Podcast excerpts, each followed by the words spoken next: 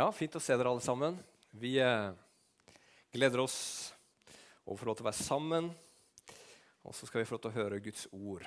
Og eh, Jeg holder jo på med en serie som personlig har vært veldig oppbyggende for meg. Gå gjennom Det gamle testamentet helt fra begynnelsen av og se på hvordan Gud gradvis åpenbarer sin frelse, åpenbarer hvem han er, hvilken plan han har for å frelse verden og vi mennesker har ødelagt det gode han har skapt, ved å vende oss bort fra han. Og Nå har vi kommet til historien om Josef og familien hans. Dere har kanskje eh, fulgt med, de fleste av dere. Og eh, Jeg tar en liten sånn repetisjon. Josef han var sønn av Jakob. Jakob var en Guds mann, men ikke en veldig god far. Han hadde nemlig favoritter. Og Josef han var favorittsønnen hans. og Det gjorde at de ti andre brødrene ble så sjalu at de solgte Josef som slave til Egypt. Da snakker du om familieproblemer. Og I Egypt så går det først veldig dårlig med Josef. Han ender opp i fangehullet, og så går det veldig bra med Josef. og Gud opphøyer han til statsminister i landet. Og Det, er, det skjer fordi at uh, Josef er i stand til å tolke en drøm som farao, kongen i Egypt, har, om at det først skal komme sju gode år med overflod og liksom nok, mer enn nok, etterfulgt av syv dårlige år med hungersnød. Og Josef han blir da som sagt statsminister i landet og får ansvaret for å samle inn alt kornet som er til overs i overflodsårene, og samle det til de årene hvor det blir eh, eh hungersnød.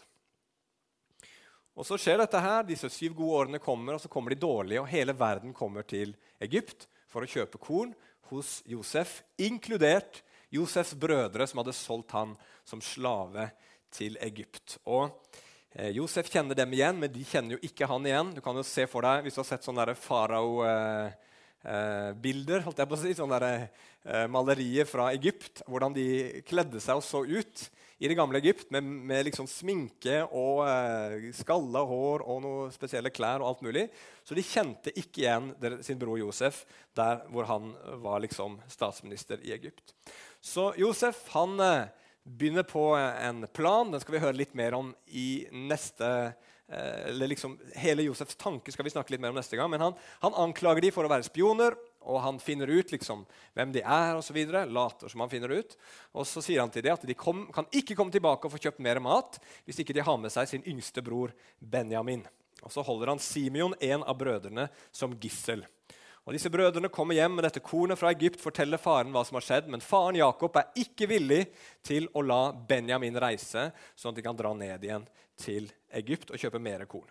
Og Der er vi, og der skal vi begynne i dag. Kan hvis du har Bibel, slå opp i Første Mosebok, kapittel 43. Og så skal vi lese eh, fra vers 1 og til vers 17 der. Da leser vi fra Første Mosebok, kapittel 43, og som dere ser, så kommer det opp på skjermen her også. Her står det i Jesu navn. Hungersnøden var hard i landet. Og det skjedde da de hadde brukt opp kornet de hadde hatt med fra Egypt, at deres far sa til dem, Dra tilbake og kjøp litt mat til oss. Men Juda talte til ham og sa, Mannen advarte oss bestemt og sa, dere får ikke se mitt ansikt uten at deres bror er med dere. Hvis du sender vår bror med oss, vil vi dra ned og kjøpe mat. Men hvis du ikke vil sende ham, vil vi heller ikke dra ned. For mannen sa til oss, dere får ikke se mitt ansikt hvis det ikke deres bror er med dere. Israel sa, hvorfor gjorde dere meg så ondt at dere fortalte mannen at dere hadde enda en bror?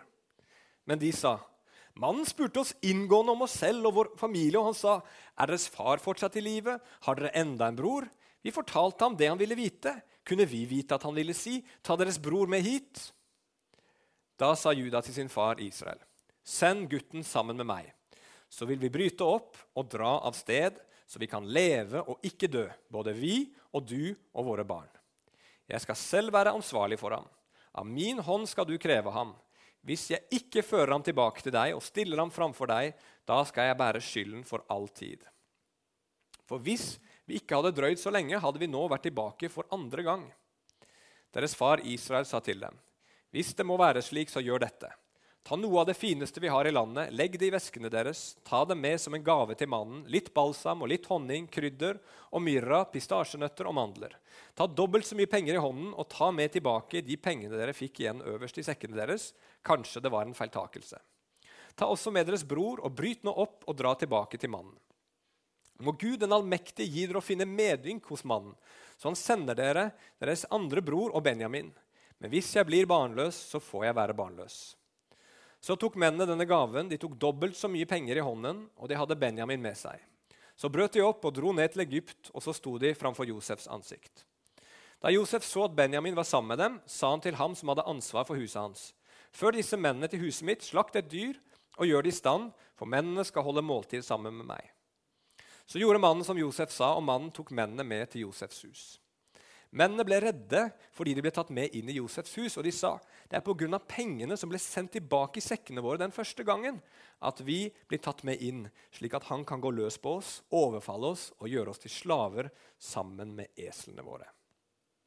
Ja, himmelske Far, bare takker deg for ditt ord, som kommer til oss på så mange flotte måter, Gud. Kommer til oss gjennom historier, Herre, som, som fanger oss, som vi kan kjenne oss igjen i Gud, som eh, handler om hva det vil si å være et menneske, og hva det vil si å møte motgang, møte synd, kjempe med andre, kjempe med seg selv, og se, Herre, din hånd og din eh, hjelp, Herre, og din frelse, Gud, midt i alt det som vi møter i denne verden. Herre, jeg bare ber om at disse ordene, Gud, skal bli levende for oss i dag. Hjelp meg, Herre, å tale rett og sant og godt om deg, Herre. Og hjelp oss alle til å ta imot med Åpne hjerter og la ditt ord skape ild i oss og brann og liv og visdom og kraft i Jesu navn. Amen. Ok, Overskriften min i dag er 'En fryktelig god frelser'. Og eh, Jeg har egentlig fem punkter fra den lille historien vi har lest nå, som jeg tror kan være veldig nyttige og gode for oss, og som eh, eh handler om egentlig våre liv og hvordan vi nærmer oss Gud. Mitt første punkt er en liv og død-situasjon. Mitt punkt nummer to er et vanskelig valg. Punkt nummer tre en hjelpende hånd. Fire et steg i tro. Og punkt nummer fem overraskende godhet. Så Vi begynner med det første punktet en liv- eller død-situasjon. Dette avsnittet her i Bibelen begynner med en ganske prekær situasjon.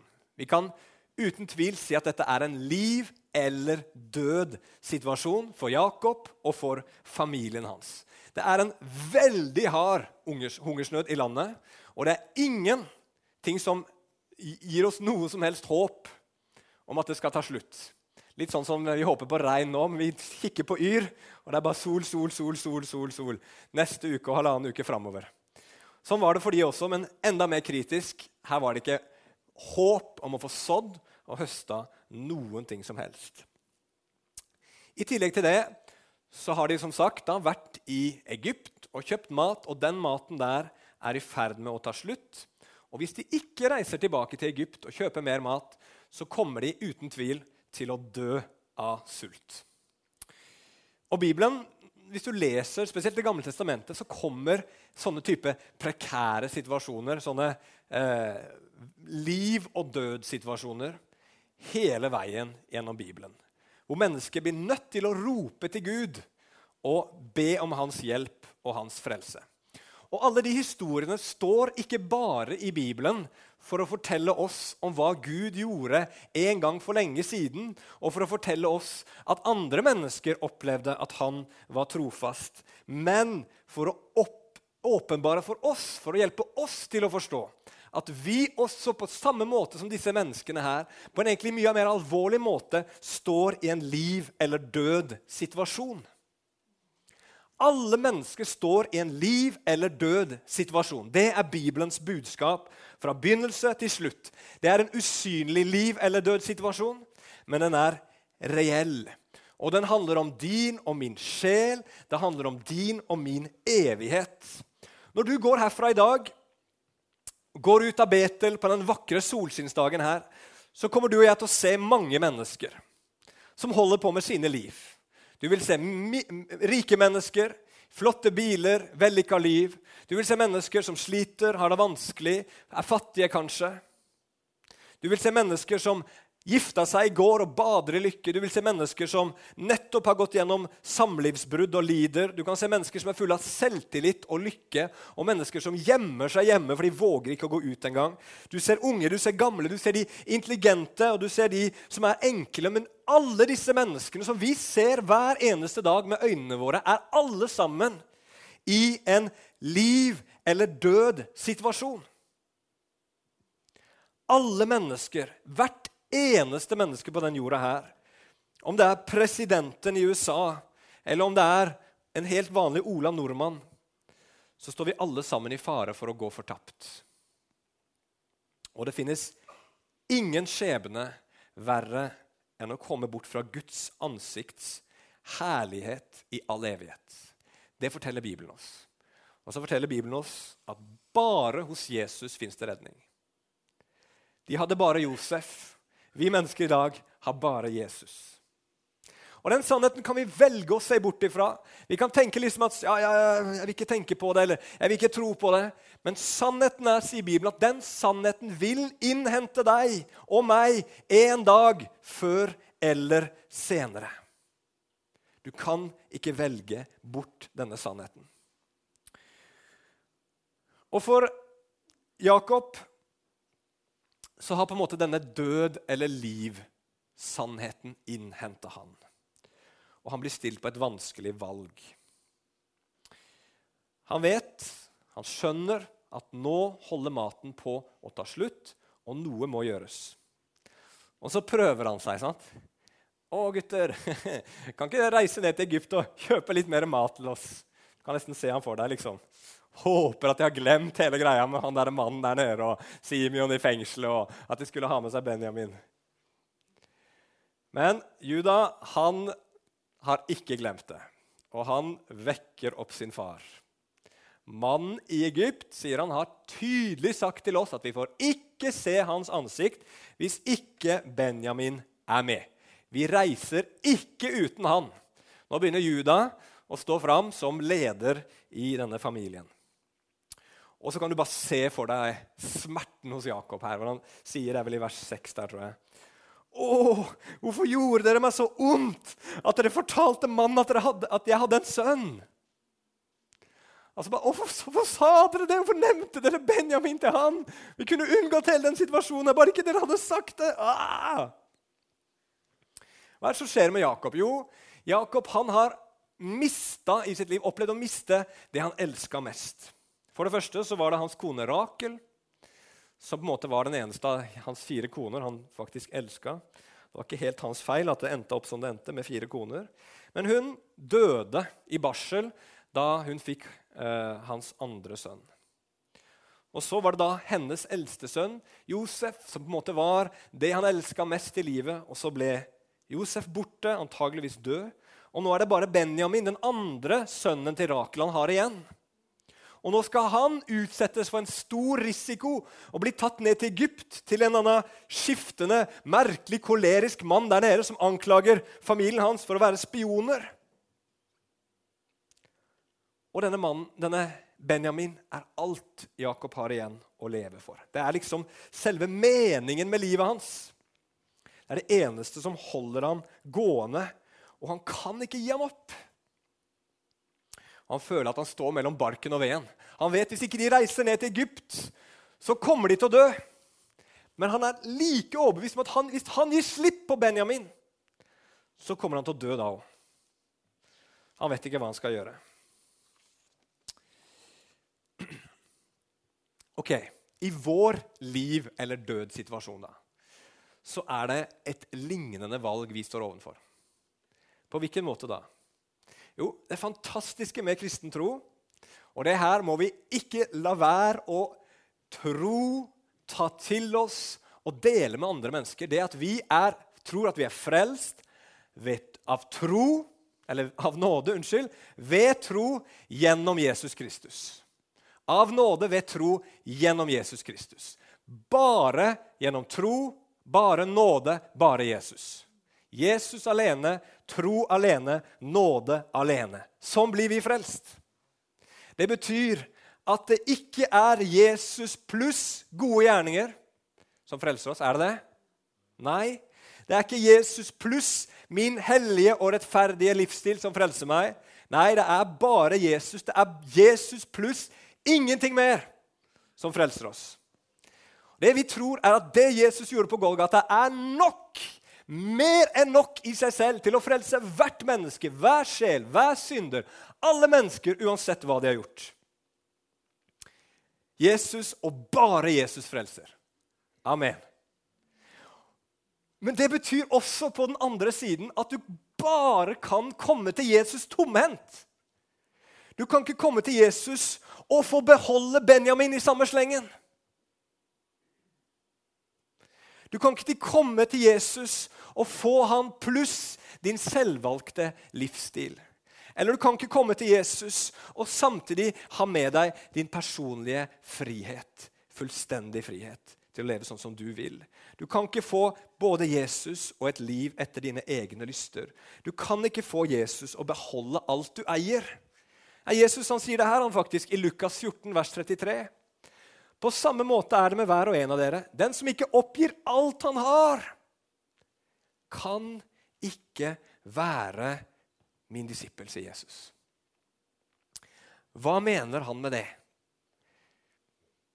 Jo, nettopp fordi frelse er gjennom Jesus alene. Så er det sånn at hvis det er noe annet i livet mitt som jeg ikke er villig til å gi opp, for Jesus, så er det den tingen som er min egentlige frelser.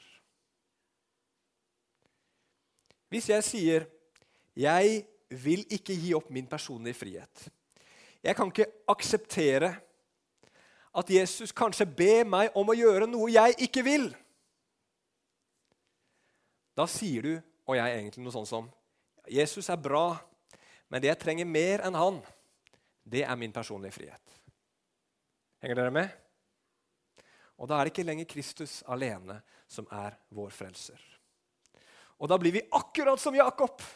Ikke sant? Når vi står der på valg, og Jesus sier 'gi opp alt sammen', så står vi 'Å, Jesus, hvorfor er du så vond og fæl med meg, Jesus? Hvorfor kan du ikke være litt greiere? Ser du ikke at jeg må ha denne Benjamin, Jesus? Jeg, jeg klarer meg ikke uten han.'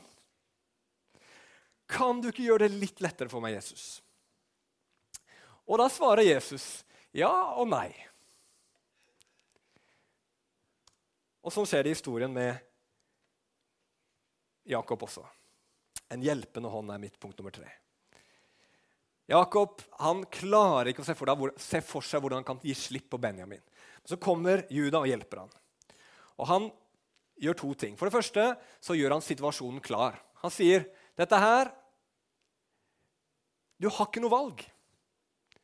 Enten så sender du Benjamin med oss. Eller så kommer vi alle sammen til å dø, inkludert Benjamin. Vi kommer alle til å få gå. Du har ikke noe sjans hvis du skal holde på denne Benjamin. Det er den visse død. Og for det andre så gir han den beste garantien han kan gi. Han sier, 'Jeg skal ta ansvar for han. Så langt det står til meg, så skal jeg sørge for at dette går bra', sier, sier Juda. I vers 8, da. Og da er det akkurat som Jakob på en måte våkner opp. Han skjønner her har han ikke noe valg. Det er bare én vei, og det er å gi opp Benjamin. Og Da sier han, 'Ta med gaver. Ta med pengene dere fant i sekkene deres.' For de hadde funnet liksom, pengene de hadde betalt for, hadde de funnet i sekken etterpå. De var ganske forvirra og litt redde. At de kanskje skulle havne i trøbbel pga. det. Og så sier han til slutt, 'Og ta med dere Benjamin, og må Gud gi dere å finne barmhjertighet hos denne mannen.' Så Juda hjalp han. Juda hjalp han ikke ved å senke kravene og si ja, vi kan kanskje finne en løsning her. Men Juda hjalp han ved å gi ham perspektiv og ved å gi ham håp. Og Det er litt på samme måte Jesus hjelper oss også. Når vi kommer til han og Jesus sier 'gi meg hele livet ditt', og vi sier 'Jesus, åh, hva med det, Jesus? Det, det, det, er så vanskelig å gi deg. Det der må jeg ha, Jesus. Du vet det. Eller det kan jeg ikke gjøre, Jesus. Det er for vanskelig for meg så sier Jesus eller så står Jesus framfor oss og så åpenbarer at Gud ikke er en Gud som sitter på en trone og krever våre liv fordi han har rett på det som den allmektige Gud. Det kunne han gjort. Gud har krav på alle liv fordi vi tilhører alle han. Det er han som har skapt oss. Og han kunne satt seg på tronen sin i himmelen og, satt, og sagt deres liv er mine, og dere må gi dem til meg. Men det han heller gjør, det er at Gud åpenbarer seg som en Gud som henger på et kors, lider for oss og krever våre liv i sin kjærlighet til oss. Kravet er det samme. Han vil fortsatt ha hele oss. Men han ber oss ikke om å gi noe til han som han ikke allerede har gitt til oss. Han sier ikke 'kom her og liksom gi meg alt', uten at han allerede har gitt alt for deg og for meg. Da han hang der på det korset, så var det for å lide og dø i ditt sted og i mitt sted. Til å ta den forbannelsen vi fortjente i vårt sted. Han ble kasta bort fra Guds åsyn i ditt og mitt sted. Han smakte døden for oss alle i vårt sted. Gud, gjennom Jesus, ga seg selv til oss. For en Gud vi tjener! Ser dere at dette er Bibelens Gud? Han står ikke bare der og liksom er Gud og holder på og bruker sin guddommelige makt som han kunne gjort, og ikke gjort noe galt når han gjorde det. Men han gir seg selv. Og så sier han, 'Kom nå og gi dere selv til meg'. Og det er den beste garantien vi kan få. At han er god. At når vi gir våre liv til han, så vil han oss ikke noe ondt. Når han sier 'gi opp din Benjamin', så vil ikke han ødelegge livet ditt, men han vil deg det beste. Han vil frelse deg. Punkt nummer fire et steg i tro. Her var nå Jakobs sønner De måtte ta et steg i tro. Jeg kan tenke meg at Det var en nokså anspent reise. De har jo ikke peiling på hva som møter dem i Egypt. ikke sant? Den mannen her han har virka en smule rar. De kommer bare der de er uskyldige og skal kjøpe korn, og så blir de anklaga for å være spioner. ikke sant? De har jo ikke peiling på ham, om han kommer til å holde løftet sitt og gi dem korn eller være greie med dem. Og hvis han skulle finne på at disse gutta her de skal få en skikkelig overhaling, eller de skal hive i fengsel, eller de skal ikke få leve lenger, så fantes det ingen i hele Egypt de kunne anke til. De hadde ingen rettssikkerhet. De var fullstendig overgitt til Josefs vilje. Og I tillegg til det så kjente de på at det er noe med Gud midt oppi dette. her. Nå får vi igjen for det vi gjorde mot Josef, vår bror. Så de kommer der med den usikkerheten, både denne mannen i Egypt og Gud. Hva er det han holder på med her? Og de er redde, fulle av frykt. Skal de nå få smake sin egen medisin. Så når de kommer ned der, og Josef ser at de kommer med Benjamin, og Josef tenker ok, nå skal jeg være skikkelig god med dem og invitere dem hjem til meg og gi dem mat, og de får høre det, så blir de livredde. Nei, nå skal han ta oss hjem til oss, til seg selv, og så har planen hans å banke oss opp. Og gjøre oss til slaver, og til og med ta eslene våre. Det var det verste som kunne skje.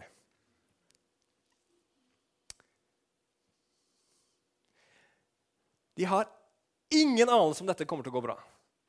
Og de er nokså usikre og nokså redde. Men de tar et steg i tro. De håper at denne mannen her faktisk kommer til å holde løftet sitt.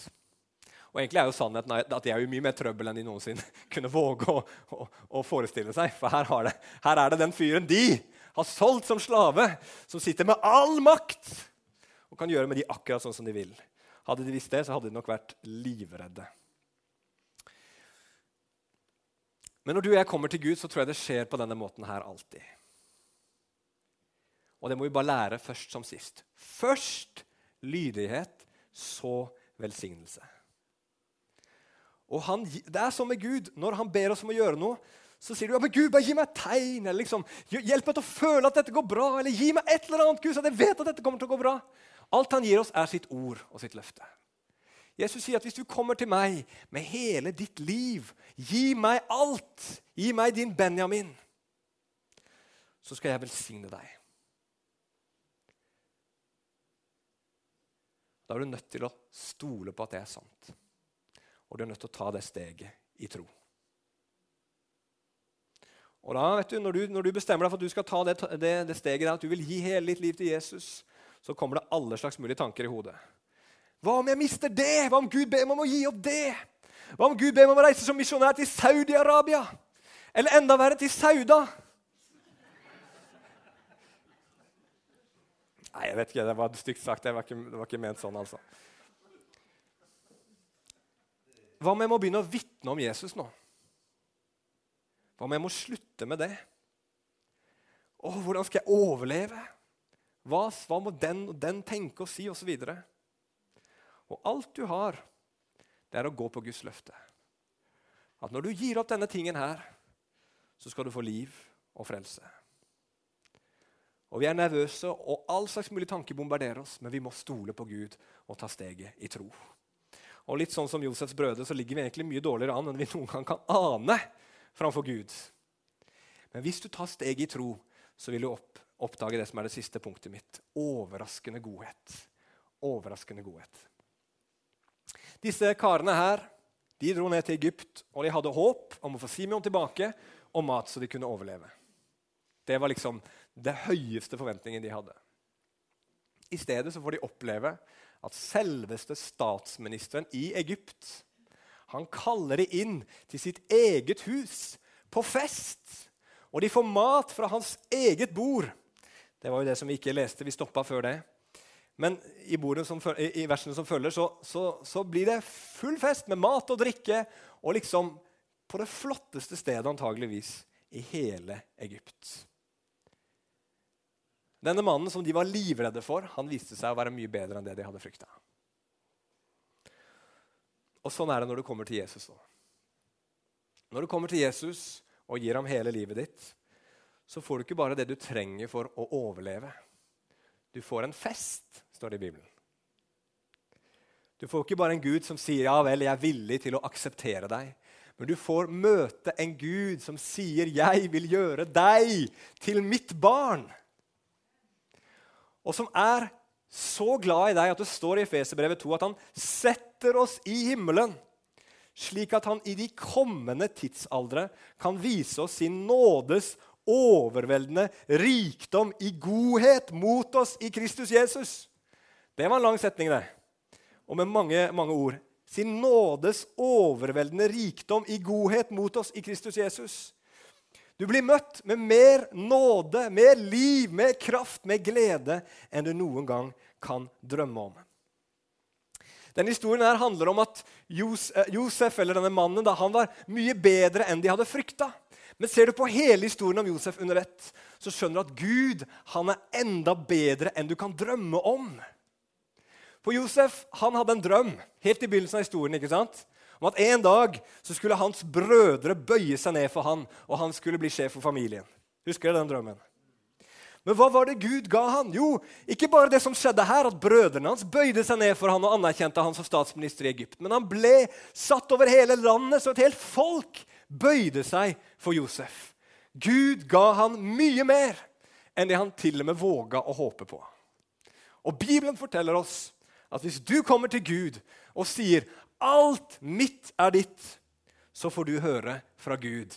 Alt mitt er ditt. Det står i Bibelen. I 1905 så var det en, eh, en mann som eh, het Thomas Ball Barrett, eller Barrett, som vi sier ofte, som var pinsebevegelsen, eh, pinsebevegelsen i Norges grunnlegger.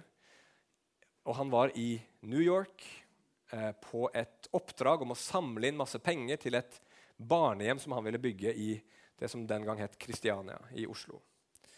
Og det gikk skikkelig dårlig. Men midt i det nederlaget som han møtte der i eh, New York, så vekka Gud han og vekka en lengsel i han etter å bli rensa og fylt med Den hellige ånd. Han hadde hørt at det var vekkelse, pinsevekkelse i Los Angeles og hans hjerte ble berørt. Og han sa, 'Gud, jeg må bli rensa. Jeg må bli berørt. Jeg må få denne åndens dåp som jeg hører de har fått der i Los Angeles.' Og Han skrev til dem, og han fikk et veldig enkelt svar tilbake. Og det var at han måtte overgi alt til Gud. Og så Mange år seinere skrev han en bok, og den fant jeg på Internett på Nasjonalbiblioteket. Og så fant jeg fram til denne siden hvor, hvor han forteller om hva han gjorde. Og Jeg har bare lyst til å lese et lite utdrag, utdrag fra det. Han bestemte seg nemlig for at han ville overgi alt til Gud. Så sier han alt ble ofret og lagt på alteret. Berømmelse Hvis det var noen, så var det ganske ufortjent. Ære, energi, tid, mulige evner, venner, alle mine kjære. Jeg tok dem med smerte én for én og la dem igjen, men denne gangen helt på Herrens alter. Hva jeg var, hva jeg kunne bli, mine planer, og de har vært mange, det er visst. Mine lengsler, min framtid. Gud kunne sende meg hvor han ville. Til den minste menighet i landet eller til den største. Til Kina, Afrika, Island, hvor som helst. Han kunne la meg fortsette med det arbeidet jeg hadde, eller sende meg rundt omkring i Norge eller rundt omkring i verden. Jeg var hans med alt. Og det dyreste, det siste jeg slapp helt, mitt eget liv, det fikk han også. Jeg har sagt i senere år at jeg ikke frykter døden, men jeg ville gjerne leve for mine og for kirken, for sjelers frelse til jeg ikke orket mer. Nå måtte jeg si, Jesus, vil du jeg skal dø nå, så gjør hva du vil. En stund satte Satan inn på meg, men jeg ropte til Gud og sa at selv om jeg ble sendt til helvete, så ville jeg klynge meg til Jesu forsoning. Men da ble det så klart at helvete ikke passet for meg. Jeg var hans, min frelsers evige eiendom. Alt dette gjennomgikk jeg før Herren renset mitt hjerte.